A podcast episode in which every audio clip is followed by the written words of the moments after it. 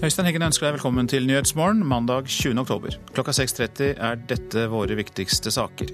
Flyslipp med våpen og ammunisjon fra USA til kurdere som kjemper mot IS om byen Kobani. I dag må arbeids- og sosialministeren møte arbeidstakerne for å forklare innstramming i sykelønna. De har forplikta seg til å opprettholde sykelønnsordninga, og nå har de kasta ut over 100 000 arbeidstakere med et pennestrøk. LO-leder Gerd Kristiansen. Rusproblemet på flere videregående skoler er større enn noen gang. Og ny innsamlingsrekord i TV-aksjonen. Mer enn 239 millioner kroner går til vannprosjektene til Kirkens Nødhjelp.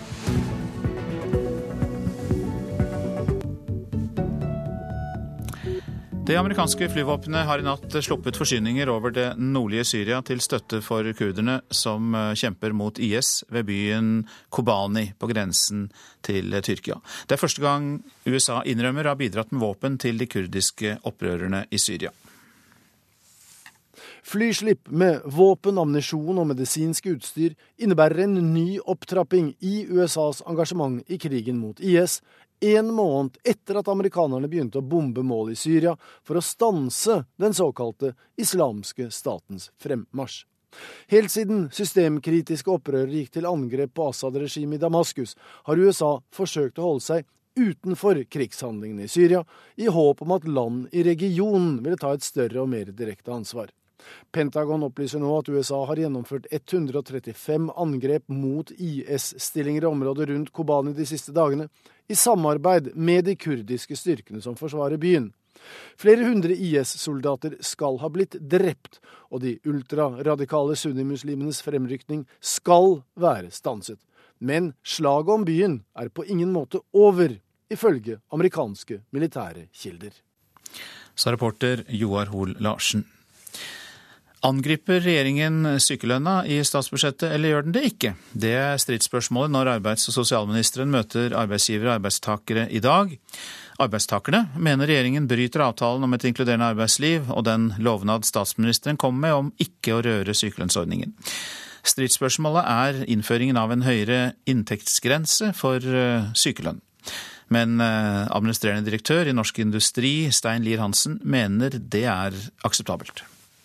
Det er nok veldig delte meninger om det. Eh, og det er jo en endring av rammevilkår knytta til dette her med sykefravær. Men eh, vi i Norsk Industri mener at det regjeringa har gjort så langt, ligger innafor det vi kan akseptere, uten at vi vil kalle det et brudd på selve IA-avtalen. Det nærmer seg, sier du? Det nærmer seg. Du skal ikke gjøre mange endringer av den typen før du har endra rammevilkårene og en del forutsetninger for arbeidstaker og arbeidsgivers innsats innenfor inkluderende arbeidsliv. Så du må være forsiktig, men så langt så mener vi at regjeringa ikke har overtrådt den grensen. I statsbudsjettet foreslår regjeringen å doble inntektsgrensen for å få sykelønn. Forslaget berører 100 000 personer, og regjeringen foreslår at de som tjener mellom 44 og 88 000 kroner i året, ikke skal få sykelønn som i dag. Problemet oppstår fordi arbeidstakerne anklager regjeringen for avtalebrudd.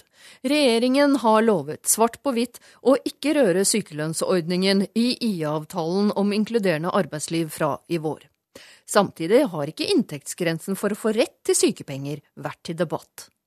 Arbeidsgiverne avventer møtet med arbeids- og sosialminister Robert Eriksson i dag, men det gjør ikke arbeidstakerne. De har skrevet protestbrev til Erna Solberg. Og LO-lederen Geir Kristiansen forventer at arbeids- og sosialminister Robert Eriksson trekker tilbake hele forslaget. Ja, de, altså, de har jo gått inn og brøttet en avtale. De har brøttet i avtalen på et veldig viktig punkt. De har forplikta seg til å opprettholde sykelønnsordninga sånn som den var da vi skrev avtalen. Og nå har de kasta ut over 100 000 arbeidstakere med et pennestrøk. Tror du det var lite fundert?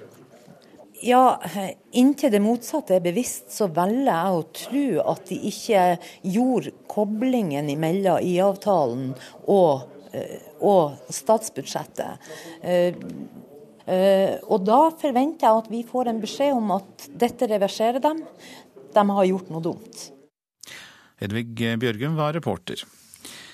I eh, Telemark bruker elever ved de videregående skolene mer narkotika, og politiet er bekymret. Rus er billigere enn noen gang, sier politioverbetjent Jan Eivind Ullnes. Gjennom sosiale medier er ungdom bare et tastetrykk unna en narkohandel. For en 19-åring fra Porsgrunn som eh, hadde brukt narkotika, ble politiets aksjon et vendepunkt. Var, eh, her var det. Der var det jeg kjøpte det. Og Hvordan skjedde det, liksom? Eh, da hadde vi avtalt, og så møttes vi her, så kjøpte jeg det, og så, så dro jeg. ja, Var det dyrt? Eh, det var 400 kroner for eh, to gram, mener jeg å huske. Den mørkhåra jenta ved siden av meg er pen og kler seg pent. Før sommeren både kjøpte og brukte 19-åringen hasj, men det var aldri i tankene hennes å bli tatt. Eh, det var noen som hadde tipsa om at jeg hadde prøvd. Og da kom eh, politiet på jobben min, så måtte jeg ta urinprøve der og da, som eh, viste positiv. Husker du følelsene når dette her skjedde? Ja, det var helt, helt grusomt, faktisk. Jeg bare grein og klarte ikke å gjøre noe annet enn å grine. Det, jeg følte at alt rasa sammen. Jeg skjønte ikke hvorfor jeg hadde gjort det. At det var det dummeste jeg noen gang hadde gjort. Nå er vi på vei inn til arresten, og den første som møter oss her, det er arrestgangen. John Eivind Ullenes viser meg rundt i de lyse gangene i kjelleren på politihuset i Skien. Her blir de skoleelevene som er tydeligst rusa og utagerende, fulgt inn, kroppsvisitert og avhørt. Ullenes og kollegaene mener at narkoproblemet ved skolene er større enn noen gang.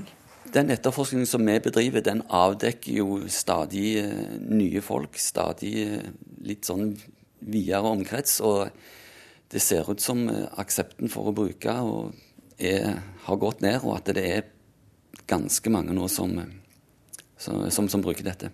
Hva er grunnen til det, tror dere? Antagelig så har pris noe å si. Tilgang har helt sikkert noe å si.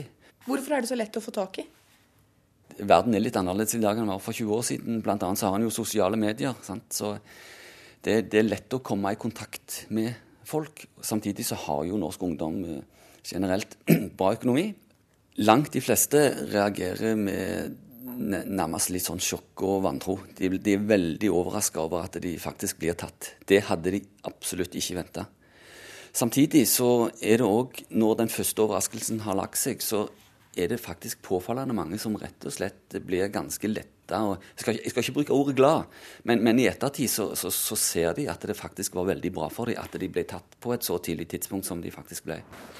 Hvis du skal si noe til noen som eh, på din alder som vurderer å prøve narkotika i en eller annen form, hva vil du si da? At det, det ikke gjør det, for det er ikke verdt det overhodet. Ikke, bare ikke gjør det. Reporter var Grete Ingebjørg Berge, og du kan se bilder og video om denne saken på nrk.no. Det er kommet inn mer enn 239 millioner kroner i TV-aksjonen i 2014. Det er ny rekord og tilsvarer nesten 47 kroner per innbygger. Og pengene går til Kirkens Nødhjelp og det arbeidet de driver for å sikre rent vann og trygge sanitære forhold. Seniorrådgiver i Kirkens Nødhjelp, Odd Evjen, han er i Sør-Sudans hovedstad Juba, og sammen med Rosé Akuk, en flyktning i eget land som har fått tilgang til rent vann nå. Ja, eh, jeg sitter her med Rose Akok, som er en internflyktning fra byen Bård. Hun flyktet i januar. Mannen hennes var soldat på den andre siden, og hun sprang for livet. Hun sier det er et under at hun er i live, hun og hennes fire barn. På Skype fra Juba, hovedstaden i Sør-Sudan, forteller Odd Evjen i Kirkens Nødhjelp om en av de flyktningene som nå får hjelp av pengene fra TV-aksjonen. Hun flyktet inn mot hovedstaden Juba og kom hit eh, og søkte ly hos den katolske kirken på en skole i utkanten av Juba som heter Don Bosco. Der har hun vært sammen med flere tusen internflyktninger. De er nå 900 mennesker i denne leiren. I flyktningleiren har Rose levd med skittent vann og frykt for sykdom. Leiren har fått to brønner. Før vi fikk brønner, var vannet vi drakk svært skittent. Vi var redde for å få kolera og andre sykdommer. Nå er det flere som venter på tilgang på rent vann. Nå er jeg ikke lenger redd for at barna mine skal bli syke av å drikke vannet, sier hun. Rose er nå sammen med Odd Evjen i Juba. Rose er kommet hit sammen med sine fire barn, og hun ønsker å si takk til det norske folk. Vannet betyr alt for oss, sier hun. Jeg kan ikke få takket nok. Og det var reporter Mari Sand Malm som hadde kontakt med Sør-Sudan der. Og så ønsker vi deg velkommen, Kari Bukker. Tusen takk. Du er leder for TV-aksjonen, og som jeg nevnte i stad, drøyt 239 millioner kroner. Det er rekord. Er målet nådd allerede? For lenge siden. I budsjettene så sto det to, 200. Det var liksom det man har regnet med, men dette her overgår jo alt. Hvorfor tror du at det kommer inn så mye penger til nettopp dere? Det er veldig mange årsaker til det, egentlig. Det, først og fremst så tror jeg at både altså Kirkens Nødhjelp som organisasjon, også vanntematikken, har vært veldig lett forståelig i årets aksjon. Folk skjønner dette. Da vil sikkert mange av de gode givere vite hvor pengene skal fordeles? De skal fordeles i åtte land som Kirkens Nødhjelp har plukket ut som de som trenger det mest. Og det er Sudan og det er Sør-Sudan. Det er Tanzania, Etiopia. Det er Somalia, Afghanistan, Pakistan og Haiti. Da har jeg vel fått med meg alle sammen. Mm. Og da er det vann og sanitære forhold som skal forbedres? Absolutt. Hva skjer nå? Går pengene rett ut i verden med en gang? Ja, planleggingen er jo selvfølgelig allerede i gang, og arbeidet kan igangsettes. Altså, Kirkens Nødhjelp har jo holdt på med dette lenge. Men dette betyr at de kan øke innsatsen i alle disse områdene. Og så Spørsmålet som vi knytter til hver TV-aksjon, det er nemlig hvem av oss som har gitt mest? Og det, det, her er det ingen overraskelse i år. Det er liksom disse Utsira som, er, som gir mest. Det er det. Er det noen andre som har imponert dere i TV-aksjonen i år? Altså Svalbard imponerer sånn innsamlingsmessig også, men i denne TV-aksjonen her så tror jeg det er første gangen at vi har vært så synlige på sosiale medier, og det har vært veldig morsomt. Folk har sendt inn bilder av seg selv, av alt det de har gjort, av dugnader, av vaffelsteking, av, av, av, dansing, alt mulig. Det har vært kjempegøy. Veldig synlig. Da kan det vel også tenkes at bruken av sosiale medier, så brei bruk av det, bidrar til å øke beløpet da? Ja, jeg tror det fordi at jeg har satt ide, ideer i gang, disse dugnadsideene i gang hos folk, og det har vært veldig morsomt å følge. Hvor tror du innsamlingsbeløpet lander til slutt? Vi er jo ikke ferdig telt før i, i, desember, og da setter vi en sånn offisiell slutt. Men pengene pleier også å strømme inn frem til da. Jeg vet ikke, det er veldig vanskelig å si, for vi blir flinkere og flinkere også med teknisk infrastruktur også. Men det er fortsatt mulig å gi, så litt til regner jeg med. Det er vel, vi kommer jo over 240, tenker jeg. Ja, for dere er like under nå, så det kommer dere i hvert fall til. Det kan vi med sikkerhet si. Men kanskje en god del mer også. Det får tiden se. Ja, Takk skal du ha, leder for TV-aksjonen som altså går til Kirkens Nødhjelp i år, Kari Bukker. Takk skal du ha. Så tar vi med at forsvarsministeren må trekke tilbake instruksen som gjør at barn av innvandrere blir utestengt fra militæret. Det krever i hvert fall lederen for forsvarskomiteen på Stortinget, Anniken Huitfeldt fra Arbeiderpartiet. Det er Klassekampen som skriver det. Avisen avslørte nylig at 1000 minoritetsungdommer ikke får avtjene verneplikten. Grunnen er at de har familier fra land som Norge ikke har et sikkerhetssamarbeid med. Forsvarsminister Ine Eriksen Søreide skal ikke ha blitt informert om at disse reglene ble innført i høst. Så skal jeg si litt om det avisen er opptatt av i dag. Ubåtdramaet i Sverige er innhyllet i spekulasjoner og gåter, men ekspertene peker likevel på én hovedmistenkt, Vladimir Putin, skriver Dagbladet. Det er verre å finne en ubåt i kystfarvann, som skjærgården utenfor Stockholm, enn i rom sjø, sier en tidligere ubåtsjef til VG. Skipsted ser deg, skriver Dagens Næringsliv. Norges største medieselskap samler 136 000 opplysninger om én person i løpet av ett år. Lesernes nettbesøk blir loggført. Vi lagrer opplysningene for å utvikle bedre tjenester, svarer datasikkerhetssjefen i Skipsted, Lars Vinden. Helsesøstre kan stoppe serieovergripere, kan vi lese i Vårt Land. Får vi flere helsesøstre på skolene, kan antallet ofre bli langt lavere, for vi har en unik tillit hos de unge, sier Sofie Valdum, leder for eh, landsgruppa av helsesøstre. Slaktingen av sau må utsettes fordi den er radioaktiv, skriver Nasjonen. Om lag halvparten av sauebøndene i Valdres og Gudbrandsdalen må utsette slaktinga fordi det er målt for høy radioaktivitet i kjøttet, som beitedyrene trolig har fått i seg fordi det er et godt soppår. Ustabilt, utdatert og sårbart for datakriminelle. Slik er det gamle datasystemet som 11 av 15 departementer bruker, viser en rapport Aftenposten omtaler. Knallhard kamp om hotellgjestene i Trondheim kan vi lese i Adresseavisen. Prisene må opp, sier Frode Hofstad, mannen bak P-hotellene i byen, som tapte penger i fjor. Mer skvis for familiene med de blå, skriver Dagsavisen. Mer overtid og søndagsarbeid, flere midlertidige ansettelser og mer frihet for arbeidsgiverne.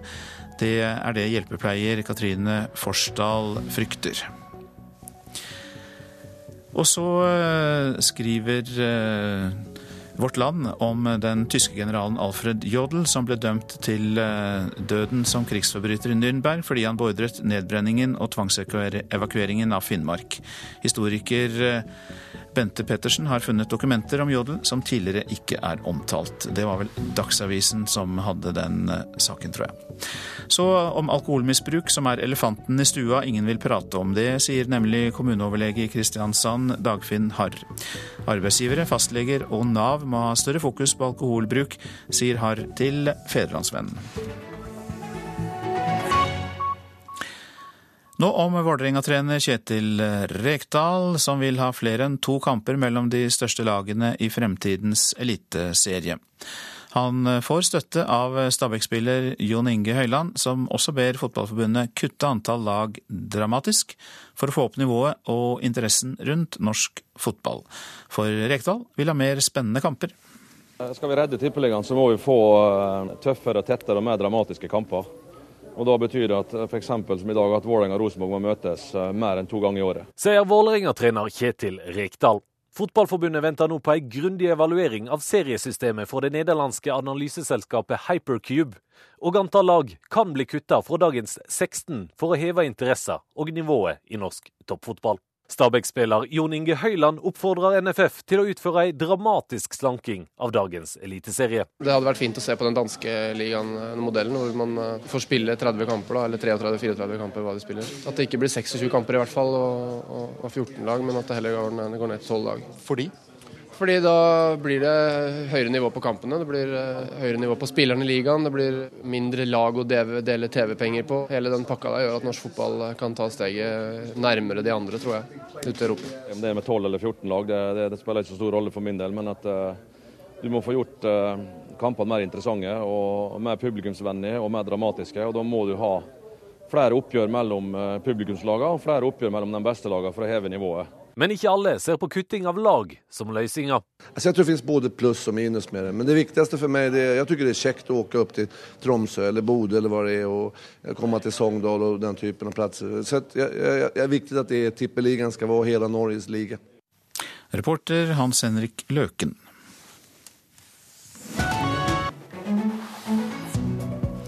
Klokka den nærmer seg 6.49. Vi har disse hovedsakene. Arbeids- og sosialministeren møter arbeidsgivere og arbeidstakere i dag for å forklare innstramninger i sykelønn i statsbudsjettet. Ny innsamlingsaksjon i TV-aksjonen. Mer enn 239 millioner kroner går til vannprosjektene til Kirkens Nødhjelp. Og flyslipp med våpen og ammunisjon fra USA til kurderne som kjemper mot IS om byen Kobani. Og eh, vi skal også høre om eh, at Norge har fått en ny eh, ung pianostjerne snart.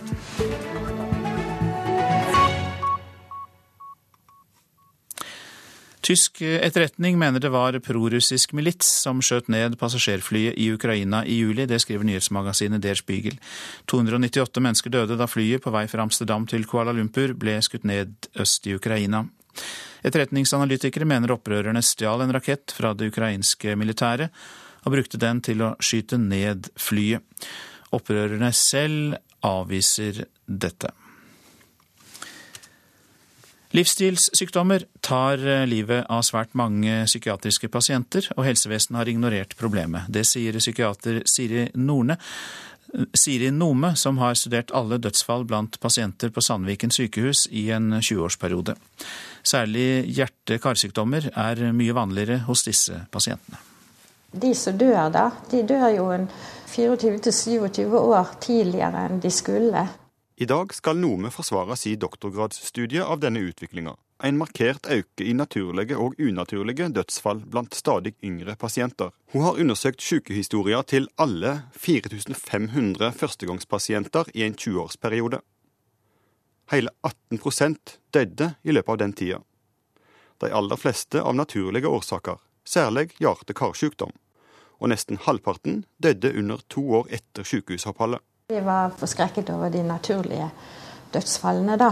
Det var så mye, nærmest hovedtyngden. Det er dårlig med mosjon, gjerne. Det er mye kanskje fedme og kosthold og eh, livsførsel. Har de blitt på en måte ignorert? Ja, rett og slett. Det går ikke an å bare la dette fortsette, at vi har denne kunnskapen, og så gjør vi ikke noe med det.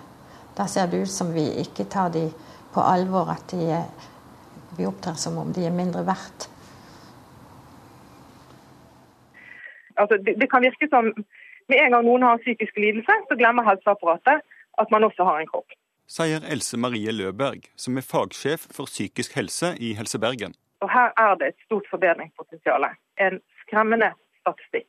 Jeg er veldig opptatt av at nå må vi gjøre noe annerledes enn vi har gjort før. Vi, psykiatrisk psykisk helsevern, og allmennhelsetjenesten. Hva må gjøres annerledes? Ja, Vi må eh, tenke òg på den fysiske helsen til de. De må passes bedre. Det, det overvåkes på en måte bedre. For det første å jobbe med livsstilsendring. Og for det andre øke tilgjengeligheten av legetjenester. Tettere samarbeid med fastleger og legespesialister. Og det sa fagsjef Else Marie Løberg i Helse Bergen til slutt her, reporter Leif Rune Løland. Det er penger i gamle hus, det har byggenæringen funnet ut. Men de mangler flere tusen håndverkere som har kunnskap om gamle byggeteknikker. Så derfor har bransjen og vernemyndighetene laget et nytt studium. Den er tapper. Den lager lager hull til. Takk. Bjarke Håkenstad er nyutdanna snekker, men lærte lite om gamle byggeteknikker. I høst starter han på ei helt ny etterutdanning i bygningsvern. Om ett år vil han være skolert for å restaurere freda og verna hus. Det er, det er, det er stas å få, få prøvd, prøvd, seg på det. Næringa trenger tusenvis av slike som han. Vi har en stor jobb å gjøre. Vi må brette opp ermene, få tak i flinke folk og gi dem en etterutdanning. Sier Jørgen Legård i Byggenæringens Landsforening. Den nyutdanna snekkeren lar seg fascinere av gamle bygninger, som vi har funnet på museet i Hamar. Ja, det gjør det. Det er jo artig å se at hus fra 1700-tallet fremdeles står. Det finnes 350 000 hus bygget før 1900.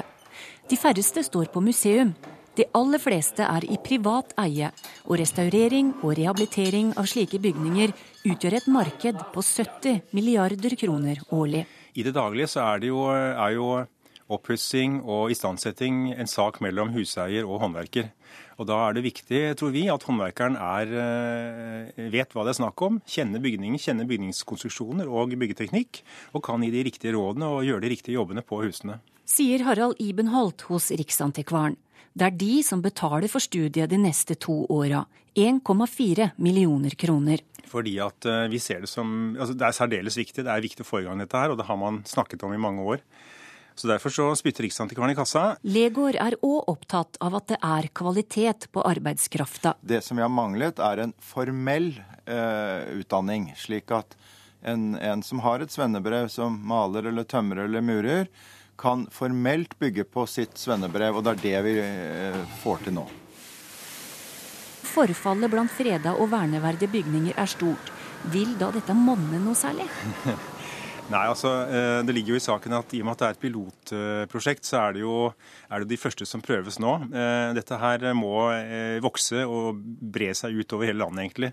Så vår visjon er jo at, at dette skal bli et fagskoletilbud på mange steder i Norge. Det er det som er planen, og, og, og så fort vi nå har fått satt i gang dette, så starter vi på det videre arbeidet. Reportasjen var laget av Torunn Myhre. Bergenseren Joakim Karr vant den prestisjetunge Edvard Grieg internasjonale pianokonkurranse på hjemmebane i Grieghallen på lørdag. Med sin tolkning av Robert Schumanns klaverkonsert i A-moll tok den 26 eh, år gamle nordmannen førsteplassen foran 101 pianister fra 34 land. Og det var juryformann Einar Steen Nøkleberg som overrakte prisen. Det er en som har gjort rent bord i kveld. Og det er førstepris 30 eh, 000 euro, masse ære og masse konserter til Joakim Karr. Det ble hjemmeseier for bergenserne i Grieghallen på lørdag. Da ble deres egen 26 år gamle Joakim Karr best i Edvard Grieg internasjonale pianokonkurranse. Men det ble ikke mye tid til å feire, fortalte han til NRK i går. Jeg dro noen timer etter finalen, faktisk. Klokken fem om morgenen uh, sto jeg opp og tok et fly til Stuttgart. og Der jeg nå skal spille en konsert i kveld. Så det, det har nesten ikke hatt tid til å fordøye noe særlig inntrykk. Og, men det begynner å synke litt inn. Hele 101 pianister fra 34 land var påmeldt i konkurransen. Etter lange innledende runder kulminerte det forrige uke med fem dager solopiano, og til slutt en finale med Bergenfilharmonien i ryggen for de tre finalistene. Jeg var egentlig ganske rolig da jeg kom til finalen. Da følte jeg at jeg hadde klart å komme dit jeg ville. At det uansett var en Eh, prestasjon i seg selv. Det er lenge siden Joakim Karr bodde i Bergen. Som 18-åring flyttet han til Oslo for å få undervisning ved Barrat Due musikkinstitutt, og de siste fire årene har han bodd og studert i Berlin. For bergensere flest er han derfor et ukjent navn, men det tror han prisen nå kan forandre på. Absolutt ikke et stort puff, så det er veldig kjekt å bli oppdaget på nytt, kan man si.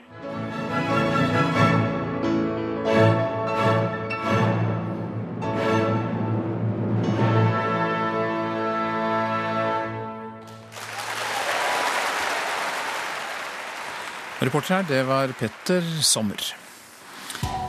Så til eh, værvarselet fram til midnatt. Fjell i Sør-Norge, regnbyger i vestlige områder, ellers oppholdsvær og gløtt av sol. Nedbør som snø over ca. 1300 meter.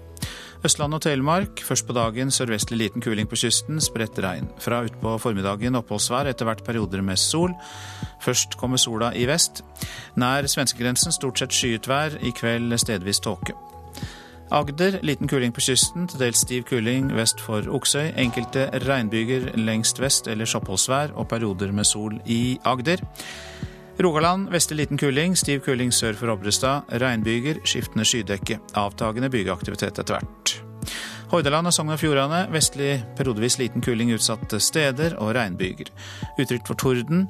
I kveld lettere skydekke, men fortsatt enkelte regnbyger. Møre og Romsdal får det meste skyet vær og regnbyger. Trøndelag liten kuling i nord. I kveld til dels stiv kuling. Skyet eller delvis skyet, spredt regn. Særlig blir det regn fra i ettermiddag. Nordland liten kuling utsatte steder. I kveld stiv kuling enkelte steder sør i fylket. For det meste delvis skyet oppholdsvær i Nordland. Så går vi til Troms.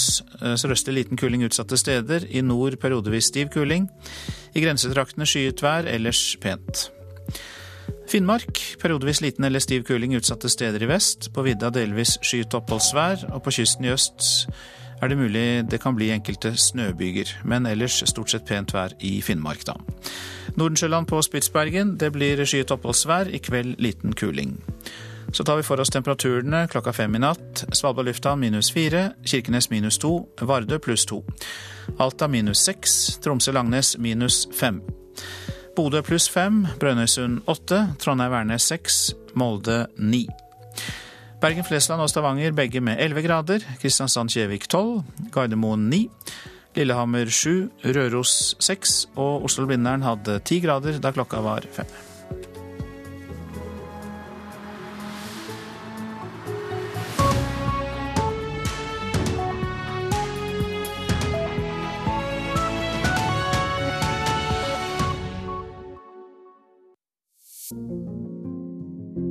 Skuespiller, menneske og ikke minst mann.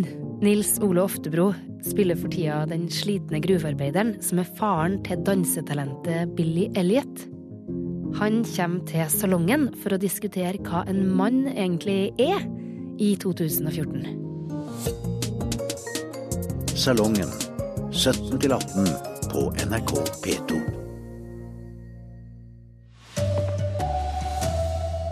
Politiet ble tipset om mannen som skulle bli en av Norges verste terrorister flere år før han deltok i terrorangrep.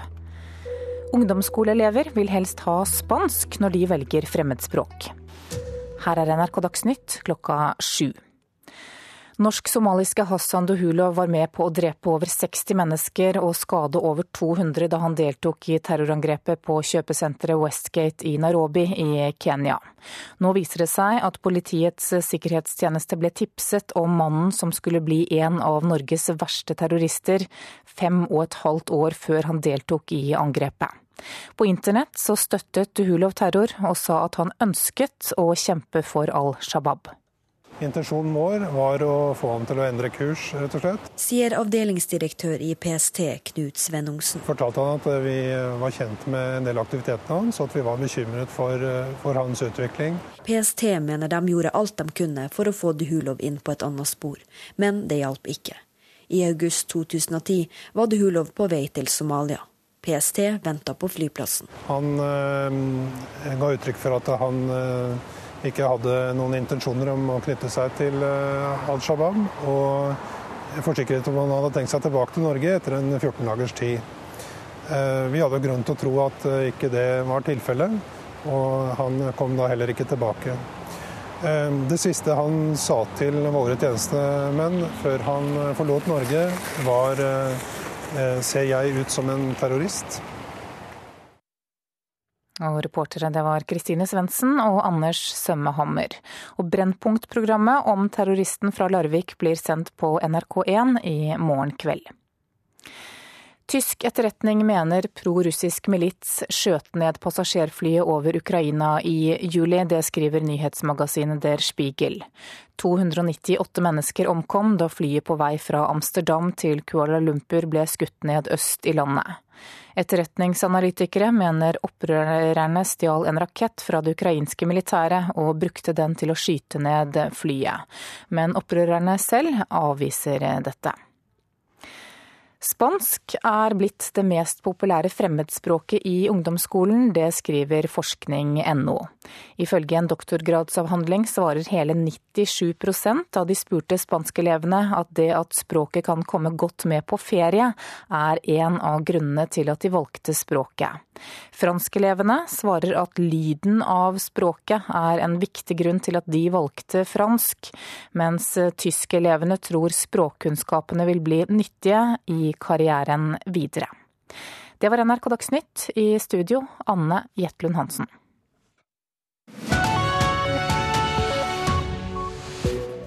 Her i Nyhetsmorgen skal vi bl.a. høre at Norge bruker milliarder på å verne myrområder i andre land. Men vi raserer våre egne myrer. Her kan vi altså eh, bevare et stort CO2-lager i Norge på vår egen jord helt gratis ved bare å la være å utvinne det. Christian Steele fra Rådet for biologisk mangfold, som vi snart skal høre mer fra. Vi skal også høre mer om tipset PST fikk om nordmannen som deltok i et terrorangrep i Kenya. Vi får inn rapport fra Stockholmsskjærgården og jakten på det som kan være en fremmed ubåt. Og 2000 unødvendige utrykninger for brannvesenet i Rogaland skal vi også høre om. Ja, som vi nettopp hørte i Dagsnytt, PST ble altså tipset om det som eh, senere ble en av Norges verste terrorister. Det skjedde fem og et halvt år før han deltok i terrorangrepet i Kenya. Norsk-somaliske Hassan Duhulov var med på å drepe over 60 mennesker og skade over 200 da han deltok i terroren på Westgate kjøpesenter. Politiet frykter at norsk-somalieren, som bodde ti år i Larvik, skulle gjennomføre et terrorangrep i Norge. Panikkslagne mennesker løper vekk fra skuddene inne på Westgate. Norsk-somalieren som deltok i angrepet, hadde vært kjent for Politiets sikkerhetstjeneste i flere år. På internett støtta Duhulov terror og sa at han ville bli en jihadist. Det førte til at PST hadde en bekymringssamtale med Duhulov i 2010.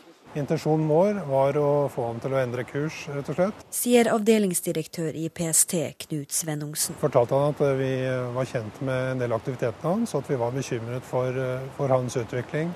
Han sa han skulle tenke på det vi hadde fortalt ham, og, og møtet ble avslutta på en grei måte.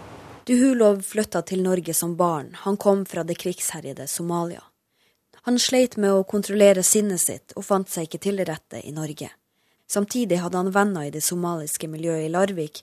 Han drømte om å bli lege, og ble beskrevet som en rolig og høflig gutt. Men han levde et dobbeltliv. På ulike nettforum støtta han terrorgruppa Al Shabaab. I forsøket på å stoppe radikaliseringsprosessen kontakta PST folk i Duhulovs omgangskrets i Larvik. Håpet var at de skulle overtale den unge mannen til ikke å gjøre jihad. Forstanderen i Rabita-moskeen i Oslo, Basim Goslan, var også godt kjent med Duhulovs ekstreme holdninger. Mitt første mål var at jeg skulle gjøre han tryggere. At han skulle vite hvem vi er. At jeg skulle ha sjanse til å snakke nærmere med han om ting. Kanskje vil jeg gi han nye impulser. At han ser verden litt annerledes. Det var målet mitt, da. Men eh, det gikk ikke så bra. Jeg følte at jeg ikke fikk det til, da. PST mener de gjorde alt de kunne for å få Duhulov inn på et annet spor, men det hjalp ikke. I august 2010 var Duhulov på vei til Somalia. PST venta på flyplassen. Duhulov var eh, oppførte seg egentlig veldig rolig avslappa også i den samtalen. Han øh, ga uttrykk for at han øh, ikke hadde noen intensjoner om å knytte seg til øh, Al Shabaab. og forsikret om han hadde tenkt seg tilbake til Norge etter en 14 dagers tid. Eh, vi hadde grunn til å tro at eh, ikke det var tilfellet, og han kom da heller ikke tilbake. Eh, det siste han sa til våre tjenestemenn før han forlot Norge, var ser jeg ut som en terrorist? Reportere her Kristine Svendsen og Anders Sømmehammer. Og Brennpunkt-programmet om terroristen fra Larvik blir sendt på NRK1 tirsdag kveld. Yusuf Asidik, god morgen til deg. God morgen. Du er med i tenketanken Minotenk, jobber mot at ungdom skal radikaliseres på den måten vi hørte om her. Og ja, dere Vi vet jo nå at PST visste om denne norsk-somalieren i fem år. Hva syns du om det når du hører det? Nei, altså det, det, er jo et kjent fenomen for oss. Vi sliter med å, å, få informasjon ut av ulike etater, enten det er politiet, PST, barnevern, Nav. Uh, og det virker som de også sliter litt med å snakke med hverandre. Og det er jo et gjennomgående fenomen at én uh, etat eller én institusjon vet om at noen har veldig radikale ideer, men deler det ikke med andre som kanskje kan bidra. da. Eh, enten i å skaffe arbeid eller i å, å, snakke med han. Nå var jo forstanderen i Rabita inne i bildet, Basim Goslan. Og det er, et, eh, det er, jo der man bør jobbe. da. Man får forstandere og får imamer på banen som kan snakke med dem om religion og få dem til å se at dette er kanskje ikke den islam som, som de tror på, da, men heller politisk, en politisk ideologi eh, som handler mest først og fremst om å få makt i de områdene der de holder på. Det virker da som eh, noen sitter med informasjon, men de går ikke ut med den eh, videre. Hvordan prøver dere å bidra til at informasjon deles, og at man drøfter ting sammen? Nei, Vi har jo en del saker rundt om i landet. Eh, og da jobber vi jo tett med ulike etater i kommunen mm. og i fylket og de som har informasjon. Så vi, vi opplever at det går an å komme seg rundt dette her, men da er det som regel for sent. For da er det som regel allemannsviten at disse personene er radikale. Og enten står de på trappa til å reise, eller så har de allerede, allerede dratt. Så jeg mener at eh, det er om å gjøre å komme inn så tidlig som mulig, da. Og jeg opplever veldig ofte i mitt arbeid at vi kommer inn helt på tampen. Altså Når alt annet er prøvd, så prøver man eh, andre metoder. Så, så jeg føler at uh, tidlig innsats, det, det, er det ikke så mye av. da. Så så jeg skulle gjerne ønske å komme inn tidligere. For jeg ser jo noen ganger at her kunne man gjort andre ting, her kunne man prøvd andre ting. Men så er man rett og slett for sent ute. Og det er en litt vond følelse for oss som jobber med det også, da, at vi føler at ungdommen glipper mellom fingrene våre. Og Hva sier du til de ungdommene som da er radikalisert, er på vei til å bli det, og kanskje kan tenkes å reise ut enten som fremmedkrigere eller terrorister. Hva sier du til dem? Nei, altså Jeg har jo vært på den eh, banen selv. Altså Jeg var jo i ferd med å bli radikalisert selv. Eh, og jeg sto jo på stupet til å bli voldelig. Eh, og da måtte jeg ta et valg. Jeg måtte velge mellom de verdiene som jeg er oppdratt med, som handler om likeverd og at alle mennesker er like mye verdt og At man ikke kan presse andre mennesker til å tro på det en selv tror på. Eh, og valget mellom å bruke vold for å oppnå det. Og, og I mitt tilfelle så var da de iboende verdiene som jeg er blitt oppdratt med, sterkere enn da dette ønsket eller den frustrasjonen jeg bar på. Så vi snakker veldig mye med ungdom at eh, altså, man blir frustrert. Man opplever at man møter mye motgang i livet. Man opplever at kanskje samfunnet er litt imot deg. Man passer ikke inn, som det ble nevnt i denne reportasjen. Eh, og da snakker vi om at man har et valg. Man kan velge mellom de verdiene man er oppdratt med, de religiøse verdiene som er viktige for deg. Eh, eller du kan velge å, å, å bruke hat og vold. Så, så det, det, er ofte vår samtale. Da. Men vi bruker også veldig ofte imamer til å komme med teologisk budskap også. Men hvem var det som fikk deg til å tenke på de viktige verdiene og snu i tide? Altså For meg så var det moren min, men i mange andre tilfeller som vi har sett det samme, så kan det være en venn. Det kan være en helt fremmed person som plutselig gjør en veldig hyggelig gest eh, som man ikke hadde forventa. Man ser liksom på personen som en slags fiende. Men så er det han som strekker ut en hånd og sier at vet du hva, jeg skal passe på deg. og her har du, her har du en klapp på skuldra. Så, så, det kan være rett og slett eh, hvem som helst. Eh, men veldig ofte ser vi det er familien, da, så, så, vår rolle er ofte å styrke familien og få god kommunikasjon mellom foreldre og barn. Mange takk, Josef Hasidik, som altså er med i tenketanken Minotenk og jobber med å hjelpe ungdom som kan gå i retning av eh, radikalisering. Takk skal du ha. Bare hyggelig. Regjeringen gjør ingenting for å stoppe raseringen av torvmyrer i Norge, men bruker milliarder på bevaring av slike myrområder i regnskogene i Indonesia og Malaysia. Nå ødelegges en av Østlandets største myrer for å selge torv til bønder og hageeiere, selv om det fører til et større CO2-utslipp. Det sier Christian Steele, generalsekretær i Sabima, Rådet for biologisk mangfold. Når man eh, setter i gang med en industriell torvdrift, så fjerner man all den torva som har lagra seg der gjennom hundrevis eh, og flere tusen år, hvor det er lagra store mengder karbon.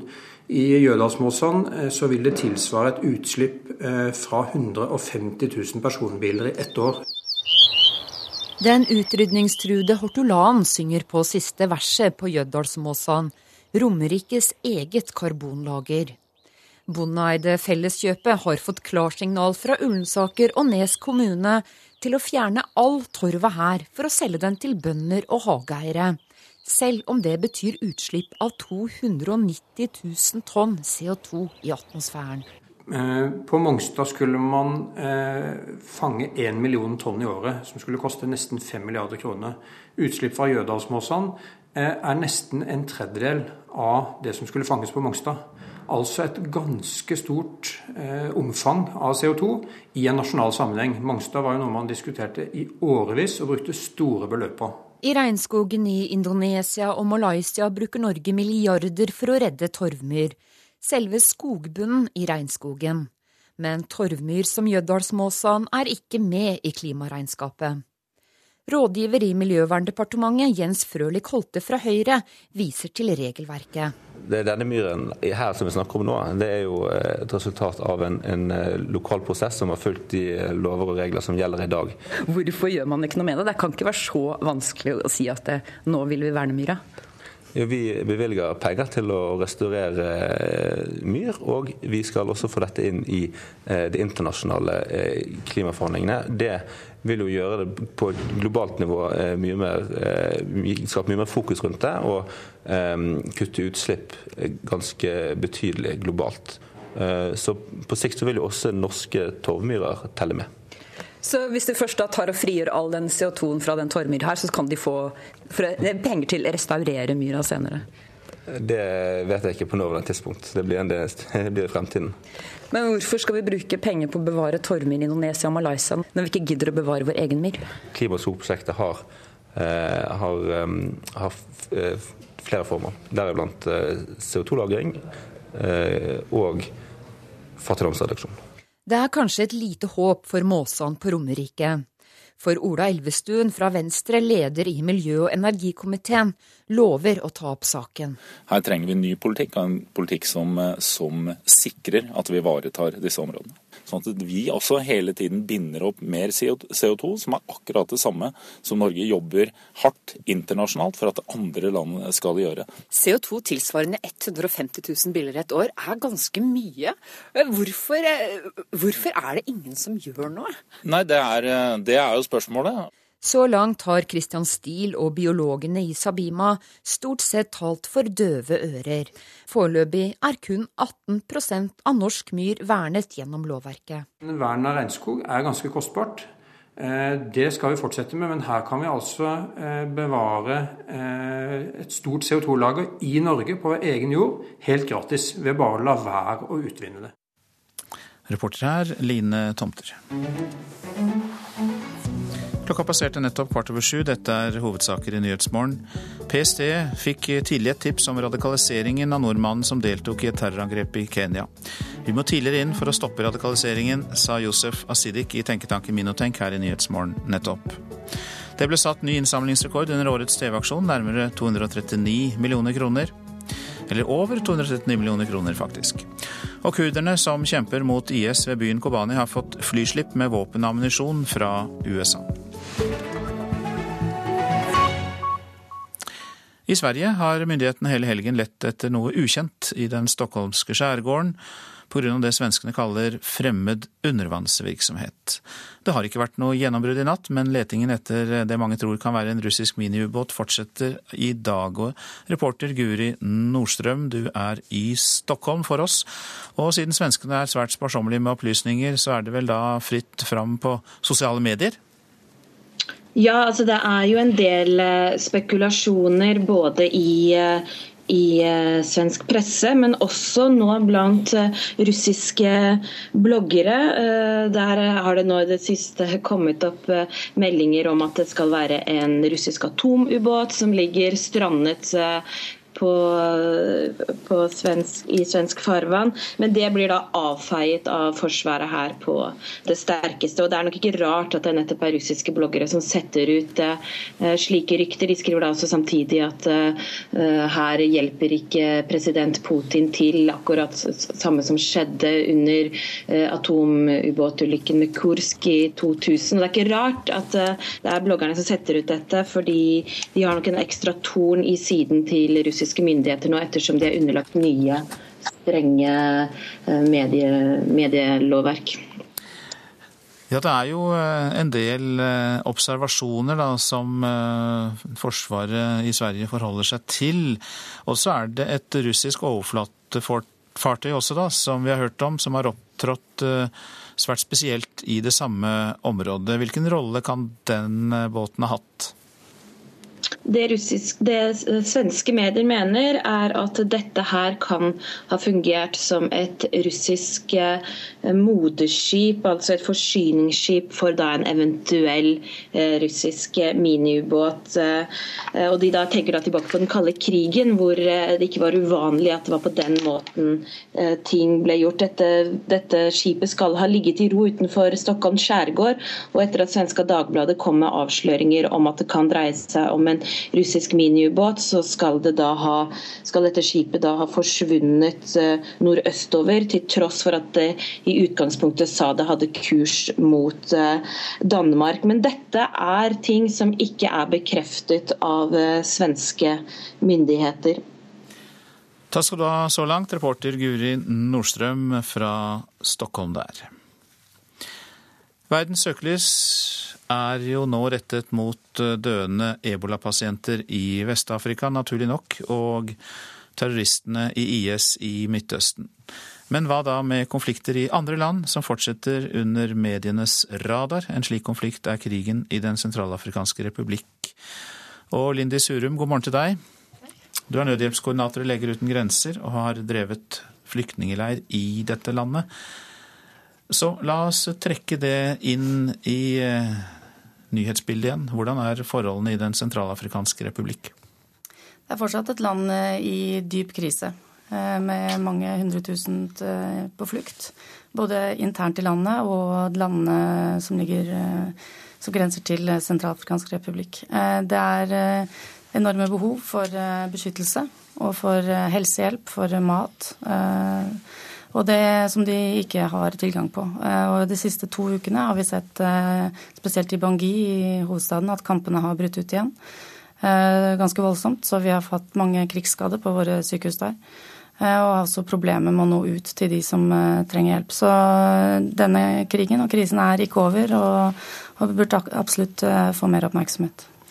Ja, hvilke tanker gjør det deg da når fokuset forsvinner helt? Eh, lyskasterne skrus av når det gjelder eh, Den sentralafrikanske republikk, og andre ting blir viktigere? Det er vel dessverre sånn at det ofte ikke er mer plass til én krise om gangen. Eh, men det er jo ikke sånn de føler det, de menneskene som bor der. Og vi, vi jobber jo i Sentralafrikansk republikk, har de nesten like mange der som vi har i ebola-krisen. Så det er, kan være frustrerende. Eh, så det, det er viktig å ikke glemme disse, disse, menneskene og dette landet. Det har vært en glemt krise i mange år. Eh, det kom eh, opp på forsidene i, i, vinter når det var veldig voldsomme kamper og hadde mye oppmerksomhet. Og nå ser vi at det igjen blir en glemt krise, og det er det ingen grunn til. Hva er det du har tatt med deg som du husker best fra det oppholdet du har hatt der? Det var jo sterkt inntrykk å se så sterkt hat og så mye hevnlyst eh, på nært hold eh, som det gjorde. Eh, det, en menneskeskapt krise gjør inntrykk på en helt annen måte enn en epidemi som, som ebola. Og det er enkeltmenneskene og de, de, jeg møtte som bodde på flyplassen, hvor de, hadde, hvor de hadde rømt for å redde livet til seg og sin familie. Eh, det er jo de jeg husker. Altså de, de som bodde der og, og, kom til oss for å få hjelp, for å føde trygt, eh, for å få malariamedisin. Og akkurat nå så er jo malaria Det er høysesong for malaria. Det er um, regntid. Og det tar livet av veldig mange mennesker i dag som rett og slett ikke har tilgang på helsetjenester. Er det blitt bedre, eller er det like ille som da du var der?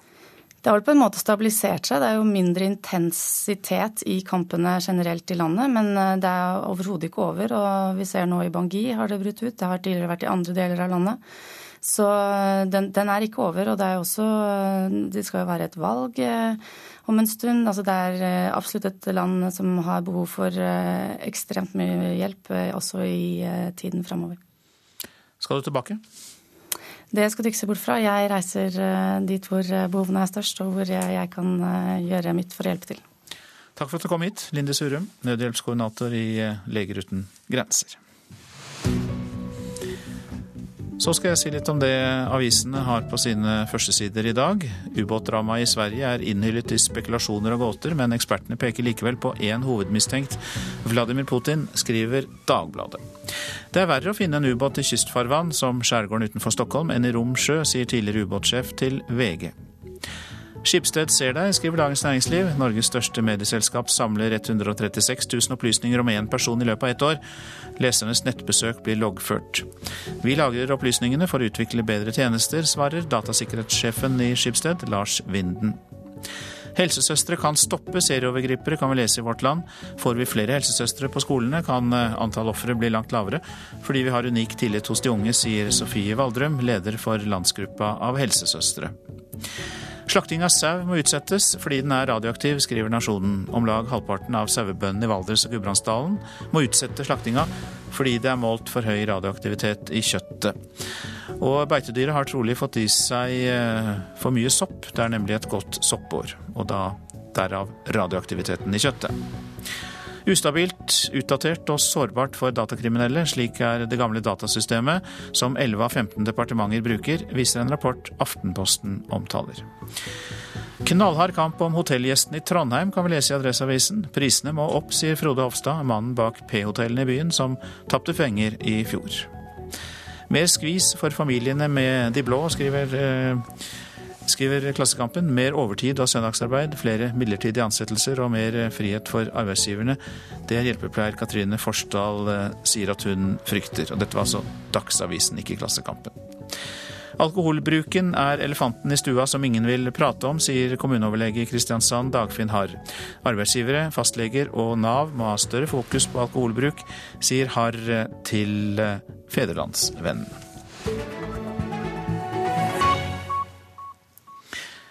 Til sammen 75 mennesker skal være drept på fem dager i den øst-libyske byen Benghazi. Der kjemper flere regjeringslojale styrker mot islamistisk milits om kontrollen. Libya har vært preget av kaos siden væpnede grupper eh, kjempet om makten da Gaddafi-regimet falt i 2011. Over halvparten av brannutrykningene til brannvesenet i eh, sør eh, i Rogaland er unødvendige alarmer. Hittil i år har de rykket ut etter nærmere 2000 alarmer som viser seg ikke å være brann. Årsakene er som regel matlaging eller tekniske feil.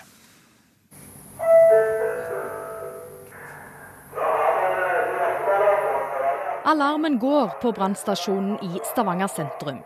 Nå har vi fått en utrykning, en direkte varsling, så nå er mannskapet på vei. Fire brannmenn kaster på seg brannutstyret og rykker ut.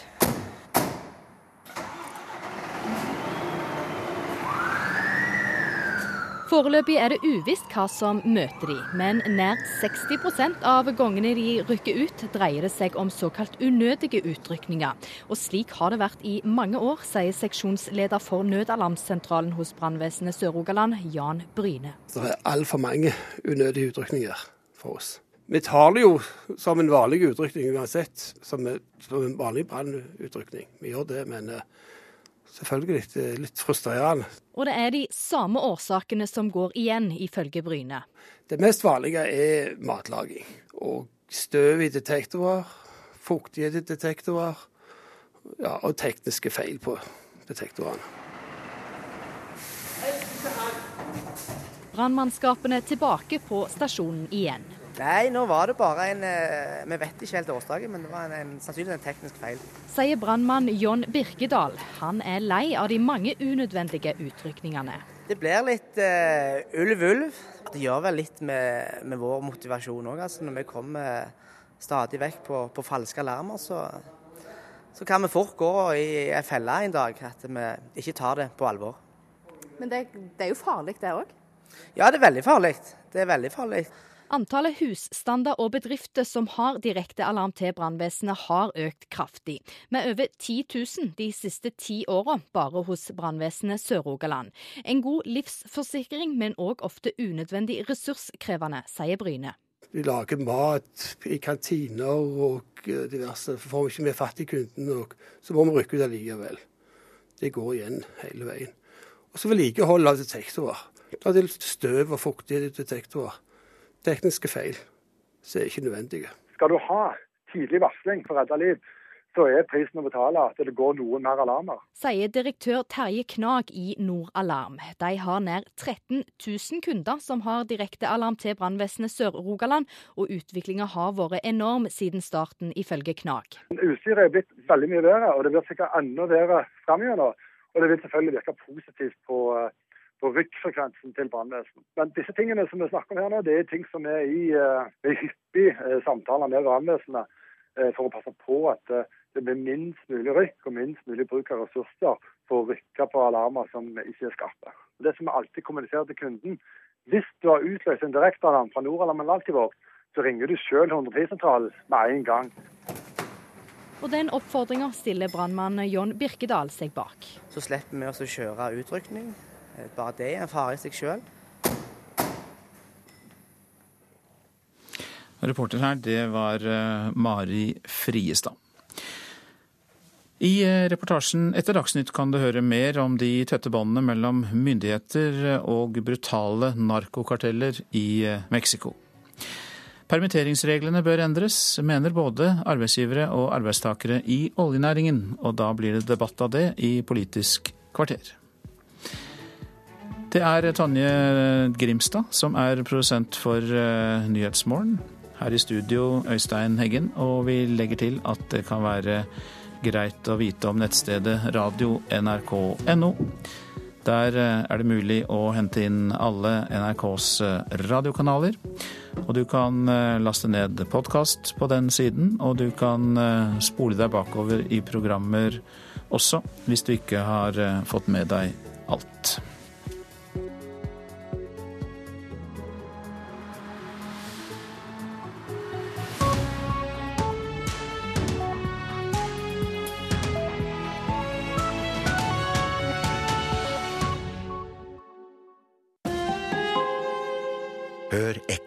Nesten alle barnehjem er lagt ned her i landet.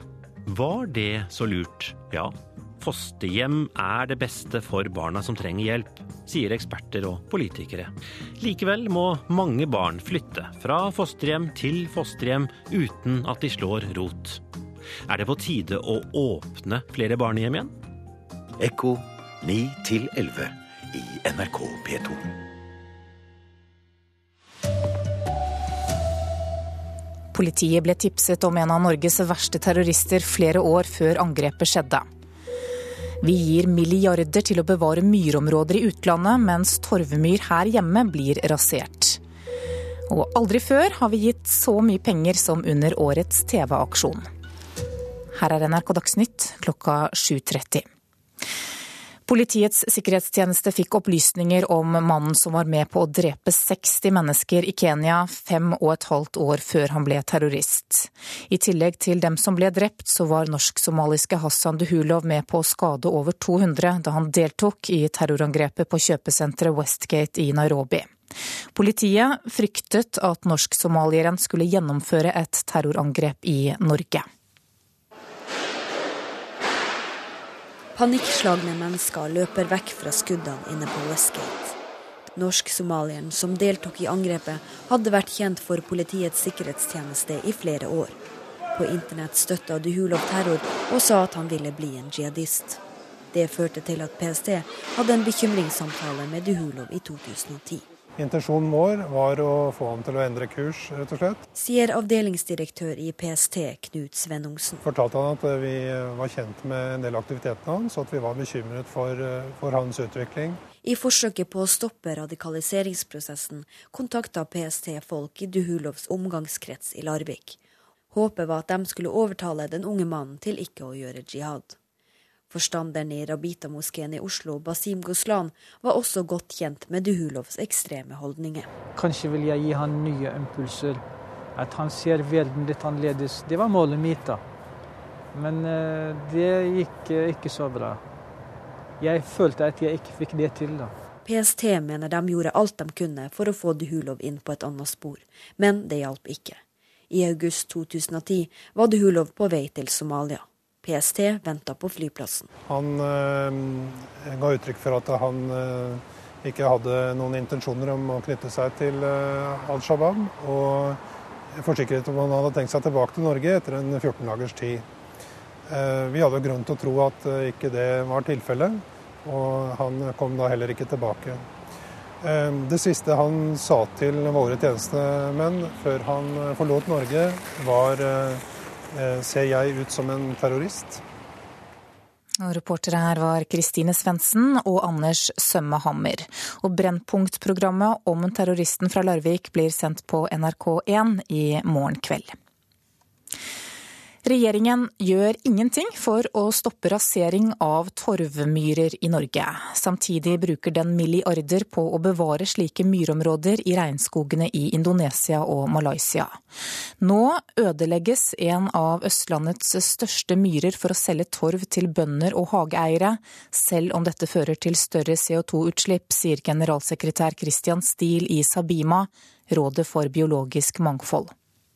Industriell torvdrift på Jødalsmåsan vil tilsvare et utslipp fra 150 000 personbiler i ett år. Og det er et stort klimautslipp i nasjonal sammenheng. Den utrydningstruede hortolan synger på siste verset på Jøddalsmåsan, Romerikes eget karbonlager. Bondeeide Felleskjøpet har fått klarsignal fra Ullensaker og Nes kommune til å fjerne all torva her for å selge den til bønder og hageeiere. Selv om det betyr utslipp av 290 000 tonn CO2 i atmosfæren. Utslipp fra Jødalsmåsan er nesten en tredjedel av det som skulle fanges på Mongstad. I regnskogen i Indonesia og Malaysia bruker Norge milliarder for å redde torvmyr. Selve skogbunnen i regnskogen. Men torvmyr som Jøddalsmåsan er ikke med i klimaregnskapet. Rådgiver i Miljøverndepartementet Jens Frølich Holte fra Høyre viser til regelverket. det, denne myren her som vi snakker om nå, det er jo et resultat av en, en lokal prosess som har fulgt de lover og regler som gjelder i dag. Men hvorfor skal vi bruke penger på å bevare torvmyr i Indonesia og Malaysia når vi ikke gidder å bevare vår egen myr? Klima- og skogprosjektet har, har, har flere former, deriblant CO2-lagring og fattigdomsreduksjon. Vern av regnskog er ganske kostbart. Eh, det skal vi fortsette med, men her kan vi altså eh, bevare eh, et stort CO2-lager i Norge på egen jord helt gratis ved bare å la være å utvinne det. Reporter her, det var Line Tomter. Det ble satt ny innsamlingsrekord under årets TV-aksjon. Til sammen ga vi nesten 240 millioner kroner under innsamlingen i går. Og generalsekretær Anne Marie Helland i Kirkens Nødhjelp, det er dere som får pengene i år. Gratulerer. Tusen hjertelig takk. Målet var altså å gi rent vann til én million mennesker. Greier dere det med det som er samlet inn? Å oh ja, vi greier mye mer enn det. Så vi, eh, i dag skal vi jo allerede begynne å se på mm, Finne ut hvor vi kan tilby flere mennesker vann. Fordi det er eh, mer enn vi når en, mer enn én million med dette her. Ja, hvordan skal disse pengene fordeles? Ja, De fordeles jo etter Vi har jo gått veldig nøye gjennom uh, hvert eneste prosjekt, prosjekt, vi har. Og telt hvor mange mennesker når vi, og hva vil det koste i hver enkelt landsby. Um, og så fordeles det jo deretter. Så det skal da fordeles på åtte land. Ja, hvilke muligheter gir disse pengene som er samlet igjen, for de som får pengene? Altså, det vil skape helt nye liv. Altså, rett og slett for, for, millioner av mennesker. rett og slett. Det, er, det å få tilgang til rent vann det har så store ringeffekter for et samfunn at uh, det er nesten umulig å forklare. Hva er grunnen til at årets TV-aksjon har fått folk til å åpne lommebøkene mer enn tidligere, tror du? Jeg tror kanskje at eh, vann, tema vann, har truffet. Det er et, et eh, tema som vi eh, forstår. Det er intuitivt, det er enkelt å skjønne. Og så plutselig forstår vi hvor grunnleggende det er. Så jeg tror det er, det er, lett å la seg bevege og forstå hva dette egentlig dreier seg om. Og jeg skulle jo ønske i dag at jeg hadde hatt muligheten til å ta hver eneste bøssebærer og hver eneste frivillige hånda og si tusen takk. Takk skal du ha, generalsekretær Anne Marie Helland.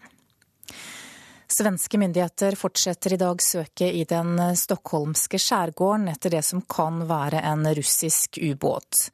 Letingen har så langt vært resultatløs, og det er ikke gjort noen nye observasjoner i natt.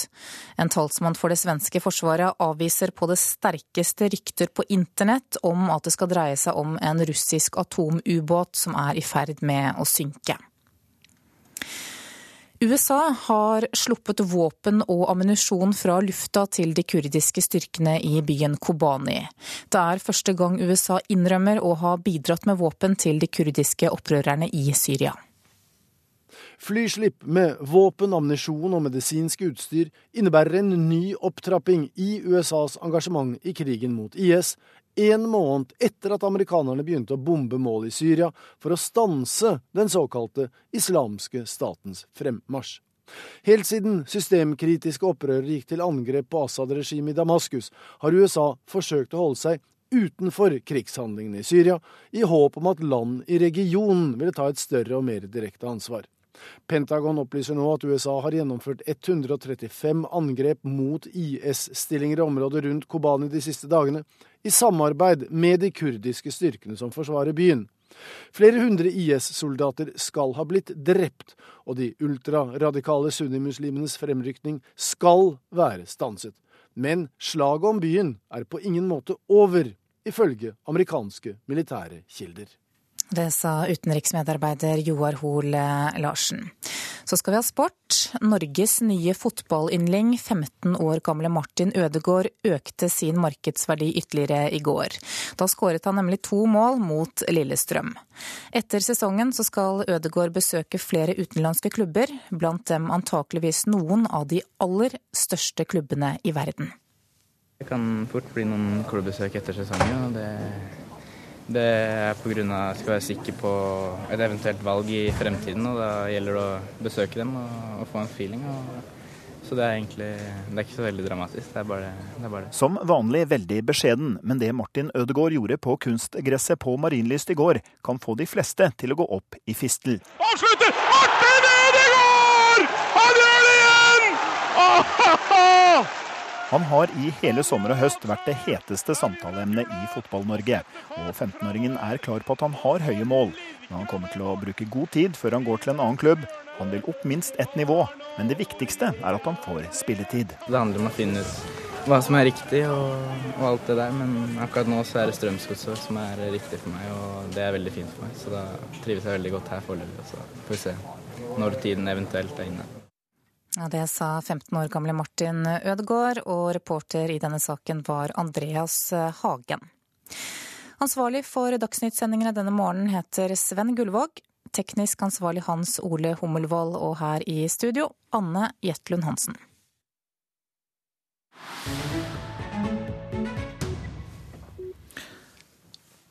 Dette er eh, Nyhetsmorgen. I Mexico fortsetter demonstrasjonene mot myndighetene etter at 43 studenter forsvant for tre uker siden.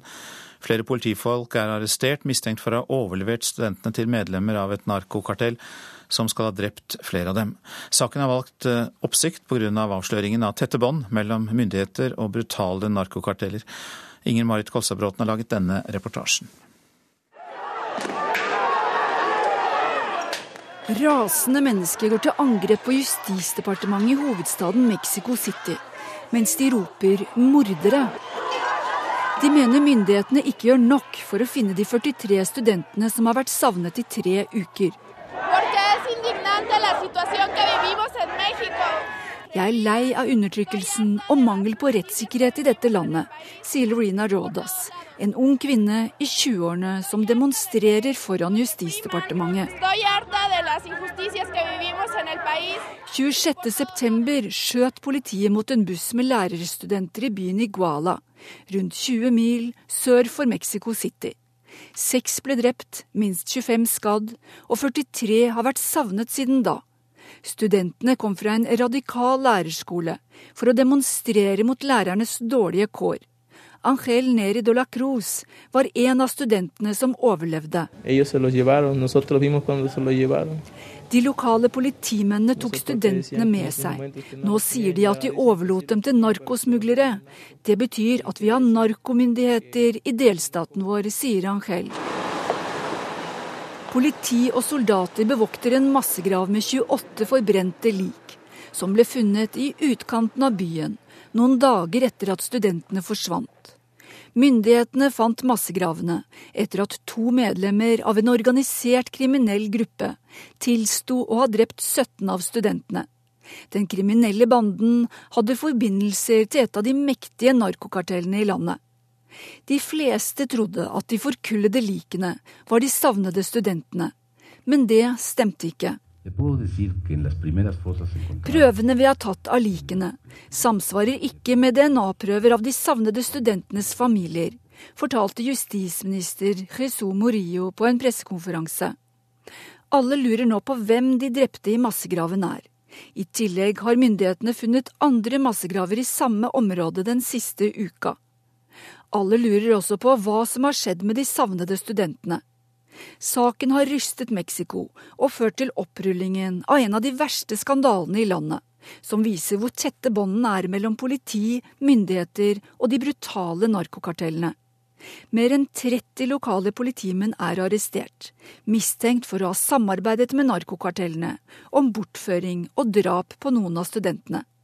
Sikkerhetssjefen er etterlyst, og borgermesteren og hans kone har flyktet og er som sunket i jorda. I tillegg er hele den lokale politistyrken avvæpnet. Føderalt politi og soldater har overtatt sikkerheten i byen. Saken har skapt politisk hodebry for president Enrique Peña Nieto, som lovte å få en slutt på narkovolden da han ble innsatt som president for to år siden. President Nieto lover å rydde opp, og at de ansvarlige bak bortføringen av studentene skal tas. Men mange tror ikke på ham, for det er ikke første gang det er avslørt tette forbindelser mellom narkokartellene og myndighetene i Mexico. Og nå ser det ut til at meksikanerne har fått nok. Over hele Mexico har det vært store demonstrasjoner mot myndighetene siden studentene forsvant. Jeg vil at noe skal bli gjort, konkrete handlinger og ikke bare ord. Det sier studenten Brenda Kroos, som var en av mange som var med i demonstrasjonen foran Justisdepartementet. Dette er hovedsaker i Nyhetsmorgen. Politiet ble tipset om en av Norges verste terrorister flere år før angrepet skjedde. PST fikk opplysninger om mannen som var med på å drepe 60 mennesker i Kenya fem og et halvt år før terrorangrepet. Vi gir milliarder til å bevare myrområder i utlandet, mens torvmyr her hjemme blir rasert. Aldri før har vi gitt så mye penger som under årets TV-aksjon. Over 239 millioner kroner er samlet inn til vann- og sanitærarbeidet til Kirkens Nødhjelp. Politisk kvarter nå, det er ved programleder Line Tomter.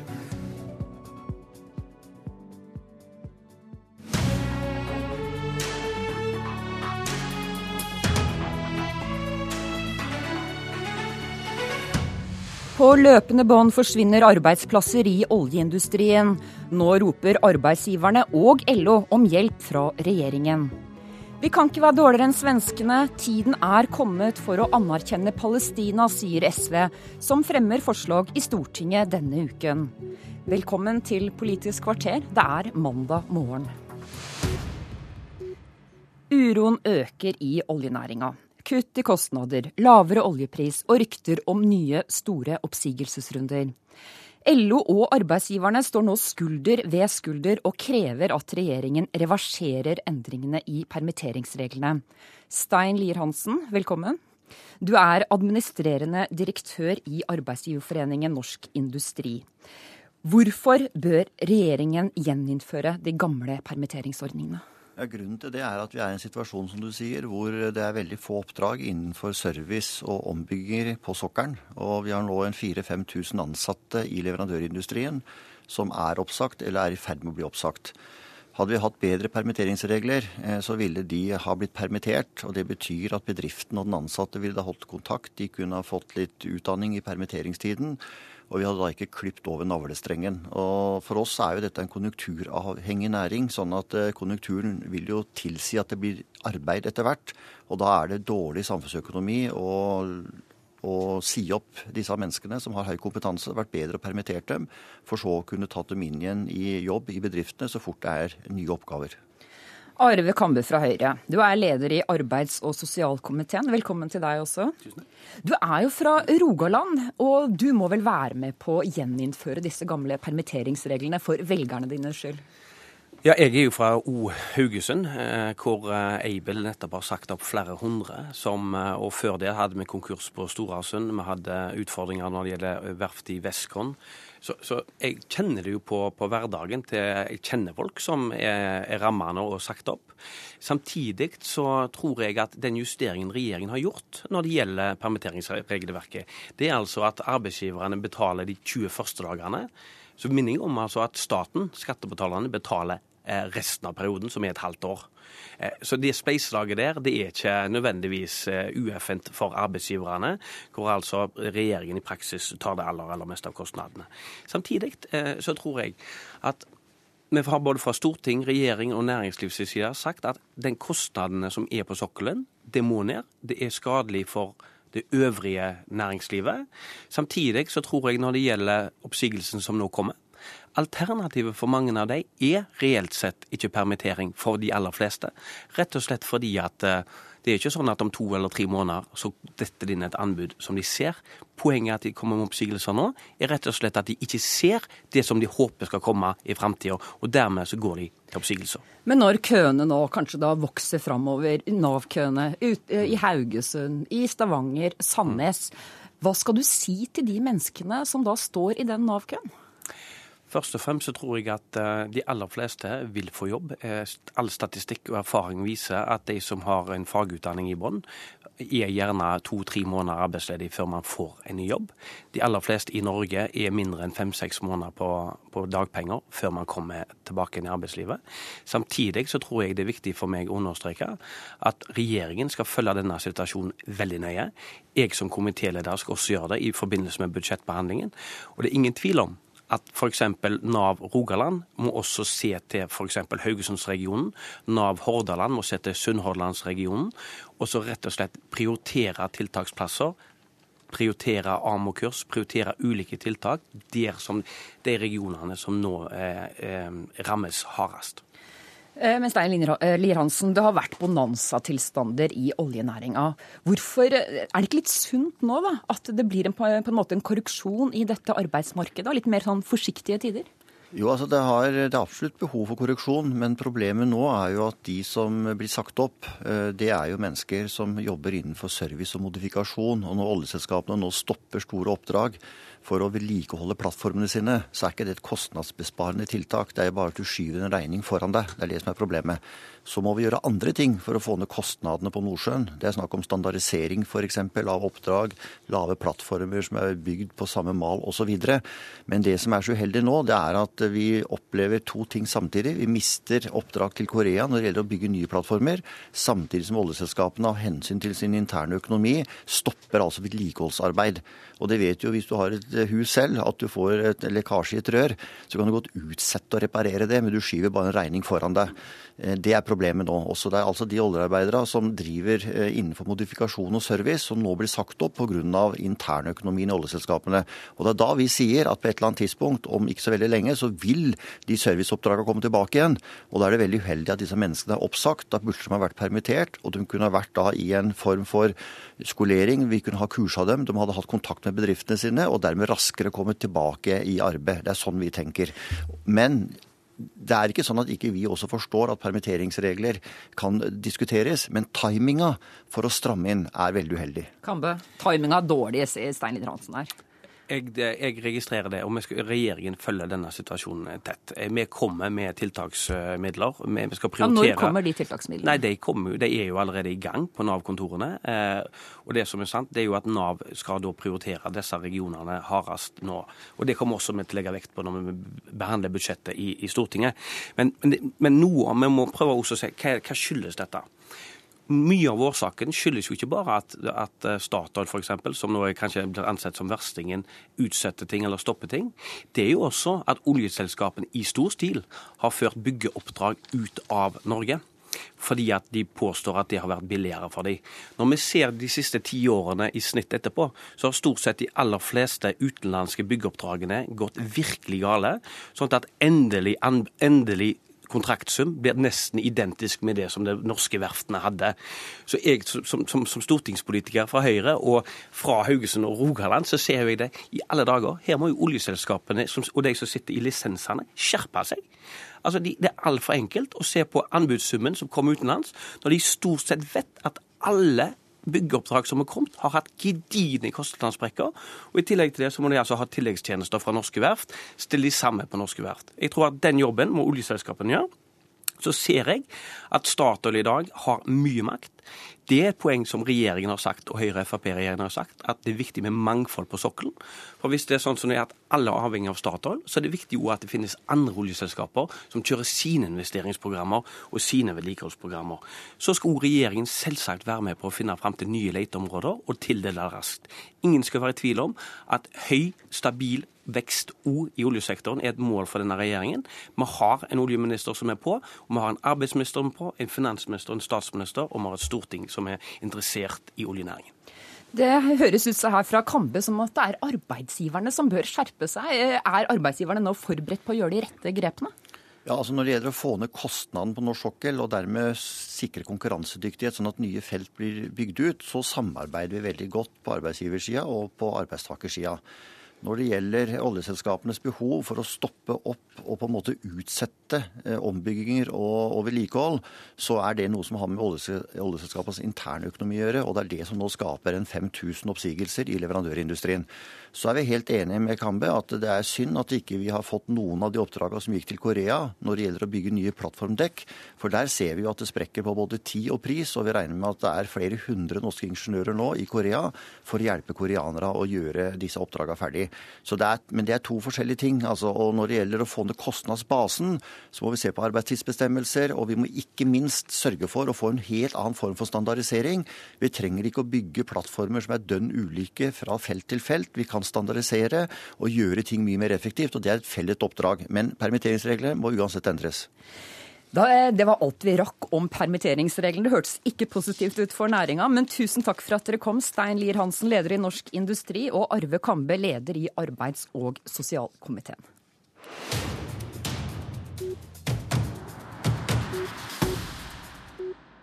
Tiden er kommet for å anerkjenne Palestina som egen stat. Det mener du, Bård Vegar Solhjell, nestleder i SV og medlem i utenriks- og forsvarskomiteen i Stortinget. Velkommen til deg. Takk. Eh, hvorfor bør Stortinget nå anerkjenne Palestina som egen stat? Fordi Palestina fortjener det. Det er nesten hele verdens mål at Palestina skal bli en egen stat. 130 land eller flere har faktisk anerkjent det allerede. Men så har norsk politikk og, og mitt syn òg vært at ideelt sett bør vi først ha en fredsavtale på plass mellom Israel og Palestina og avslutte okkupasjonen, så anerkjenne.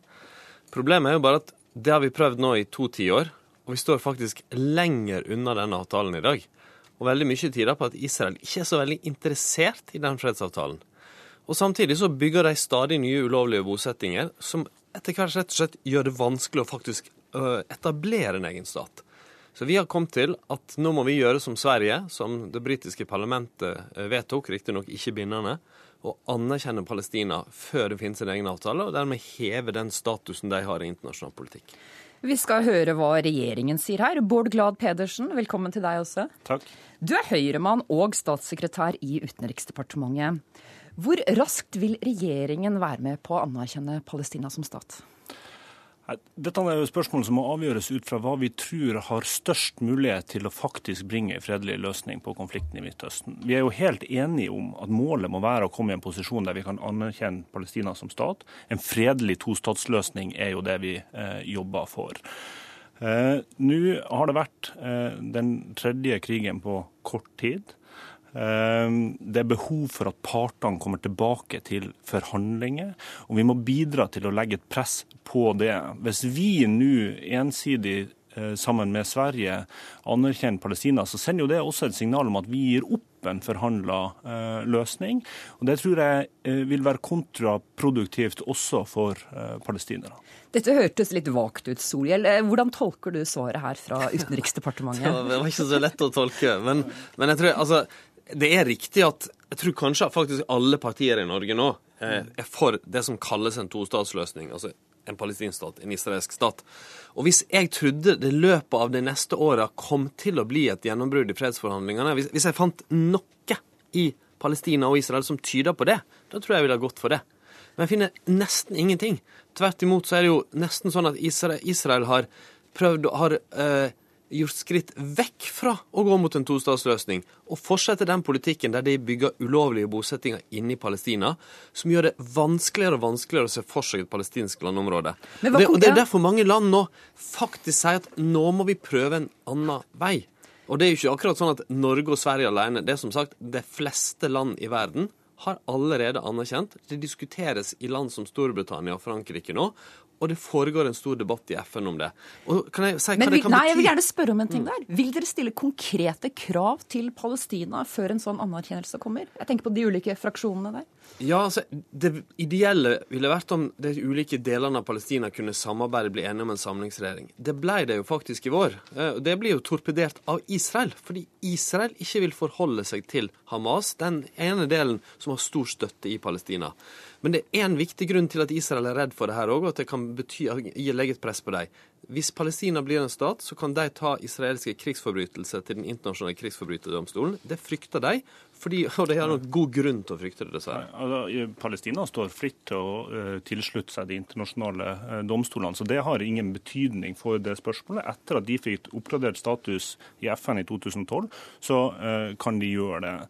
Utfordringa med en norsk anerkjennelse nå er at det sender et signal om at vi gir opp forhandlingsløsning. Det tror jeg ikke vi bør gjøre eh, nå. fordi at nå prøver jo Kerry igjen og få partene til bordet for å få til forhandlinger. Det som må skje nå i eh, denne konflikten, er at man må få til at de palestinske selvstyremyndighetene får reell kontroll også over Gaza, at man får på plass en samling. Man må få stopp på eh, okkupasjoner på lovlige bosettinger, eh, og man må få en åpning av blokaden som gjør at man ikke bare kan av Gaza, sånn at man ikke bare kan få en hjelp, men man også kan få handel på tvers av grensa, sånn at man kan få en økonomisk vekst og en bedre fremtid for Eh, befolkninga. Etter krigen i uh, sommer så ser jo både, så ser jo også Israel at den situasjonen vi har nå, gir ikke økt sikkerhet for eh, dem heller. Og muligheten for sikkerhet for Israel og en eh, stat for palestinerne ligger i en forhandla eh, løsning. Nå må vi bidra til det presset, og ikke lette det presset som Solhjells strategi kan eh, oppfattes som, i hvert fall hvis det kommer eh, ensidig fra, fra norsk side sammen eventuelt Kort til slutt nå, Solhjell. Er du positiv etter å ha hørt hva Utenriksdepartementet har å si? Alt. Du har noen sekunder. Blokaden, alt er helt riktig. Samling. Ingenting av det hindres av en, vi må, at vi anerkjenner ja. Palestina. Tvert imot. Vi, vi, ikke... vi er ferdig for i dag. Eh, Politisk kvarter er over. Takk for at dere kom. I studio satt Line Tomter.